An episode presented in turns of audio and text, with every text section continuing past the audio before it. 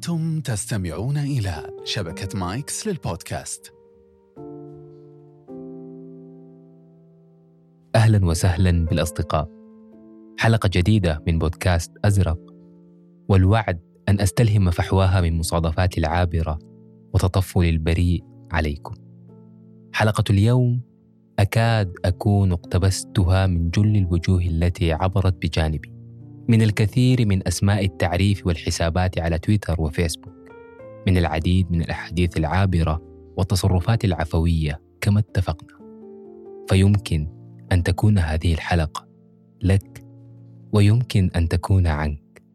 وسامحوني إن قسوت على كل أسعد بمشاركتكم الحلقة مع من تظنون أنها ستروق له من الأصدقاء. وأسعد بتقييمكم للبودكاست وكافة ما تكتبونه وتقتبسونه عن ومن أزرق. أقرأه بكل محبة وابتهاج. دقائق ممتعة. أتمناها لكم. أنا محمد عبد الرحمن أستغل ازدحام الناس وتشابه ملامحي مع الكثيرين للتردد على الأماكن باستمرار دون أن يلحظني أحد. أزور المقاهي وأمشط الشوارع وأستغل المواصلات العامة.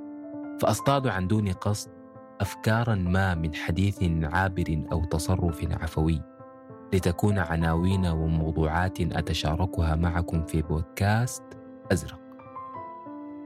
أفكار لم تلق حظها من الانتباه وتفاصيل صغيرة ربما تختلف نظرتنا إليها مع كل حلقة.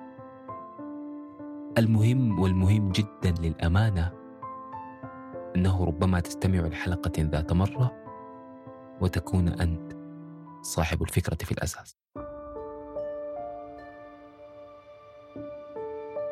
دون أن تختار أو تشعر تجد نفسك في سباق لا ينتهي من الإبهار.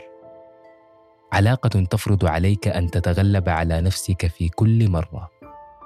أن تحطم رقمك القياسي السابق في التعبير والاهتمام والعطاء وتتجاوز كل الأسقف التي رفعتها ابتداء تحت وطأة الابتزاز العاطفي. تتساءل هل ما قدمته قليل أم أن الميزان هو المختل؟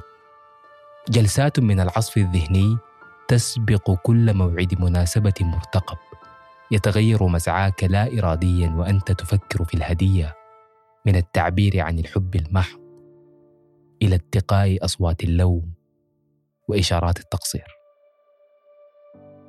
تعنف بلا رحمة على أقل الهفوات كاقتصادك في استخدام القلوب والورود مع رسائلك الإلكترونية أو السهو عن مشاهدة حالة الواتساب الأخيرة أو التقاعس عن ضغط زر الإعجاب على السيلفي المنتشر على كافة منصات التواصل. تتساءل ثانية ما تصنيف العلاقات التي تجد فيها نفسك مجبرا على التصفيق مع كل حركة وبث عبارات الفخر والاحتفاء مع كل نية للإنجاز. وها أنت ذا أخيرا تنال حريتك وفي اللحظة التي يفترض فيها أن تهلل فرحا بها تجد نفسك كومة من حطام إذ أن الحرية التي سلبت كان أجدر بها أن تقتلع إلا أن واقع الحال يقول أنها منحت لك على مضض وللدقة تم التخلي عنك تتساءل للمرة الأخيرة هل إفراغ الإناء وملؤه من جديد بهذه السهولة؟ هل من متجر سري لا أدري عنه يبيع قطع الغيار الذاكرة المخيلة والروح هل الملل مبرر لاقتراف هذه المذابح ها أنت ذا نيزك لفظه مداره يهوي مسرعا نحو حتفه. تمضي دون جواب. لأنك لا تدري صدقا مع من تتعامل.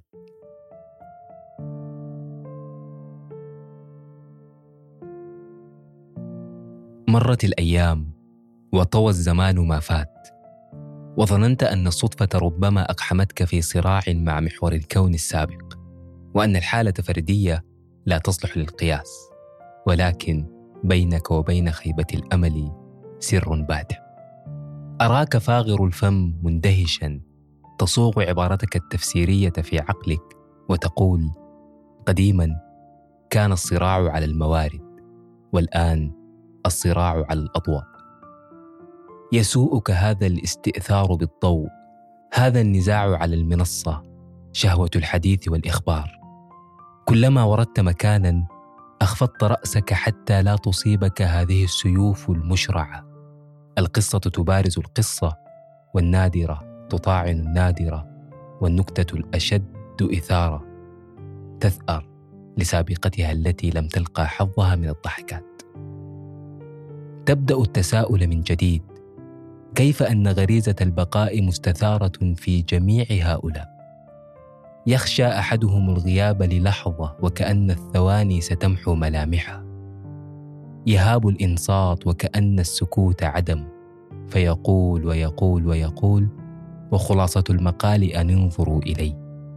ترى من حولك فلا تلميذ إذ أن الجميع أساتذة. لا يجري الماء فلا سهل ولا مرتفع ولا يصدق نبي فالكل هداة مهدي. تضحك وتأسى مع نفسك قبل أن تشارك في السباق مجبرا وتطير مع الفراشات الجادة نحو الفانوس المشعل. تطير دون إجابة لأنك لا تدري مع من تتعامل.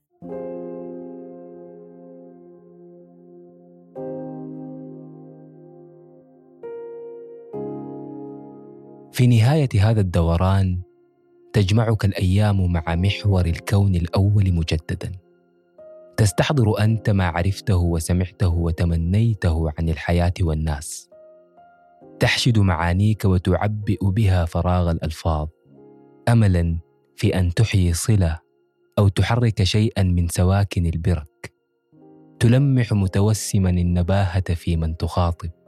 تتلحثم وجعلت من قليل المنطوق كاشفا عن هائل المسكوت عنه فلم يفهم ما تيسر ولا استشف ما تعسر.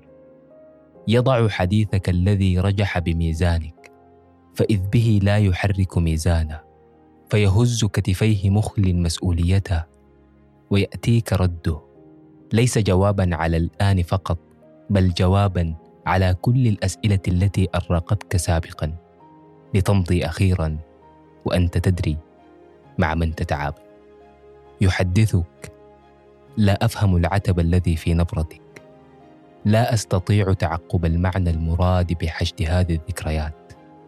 لا أفهم التلميح والتلويح والمنديل واللمعان في عينيك إذ يوشكن أن ينطقن شيئا غامضا لا أعرفه. بأي عنوان أسميه التأثر والتذكر والأحاجي والتباكي لاستماع تأسفي. نعم أراك اليوم عار من عباءة قوتك. وبغير ما اعتدناك أكملت الحديث ولم تبال لقهوتك. لكنني لا أفهم العبث المقفى أو مضامين الحديث الفلسفي. لا أفهمك فأنا ابن جيل نرجسي.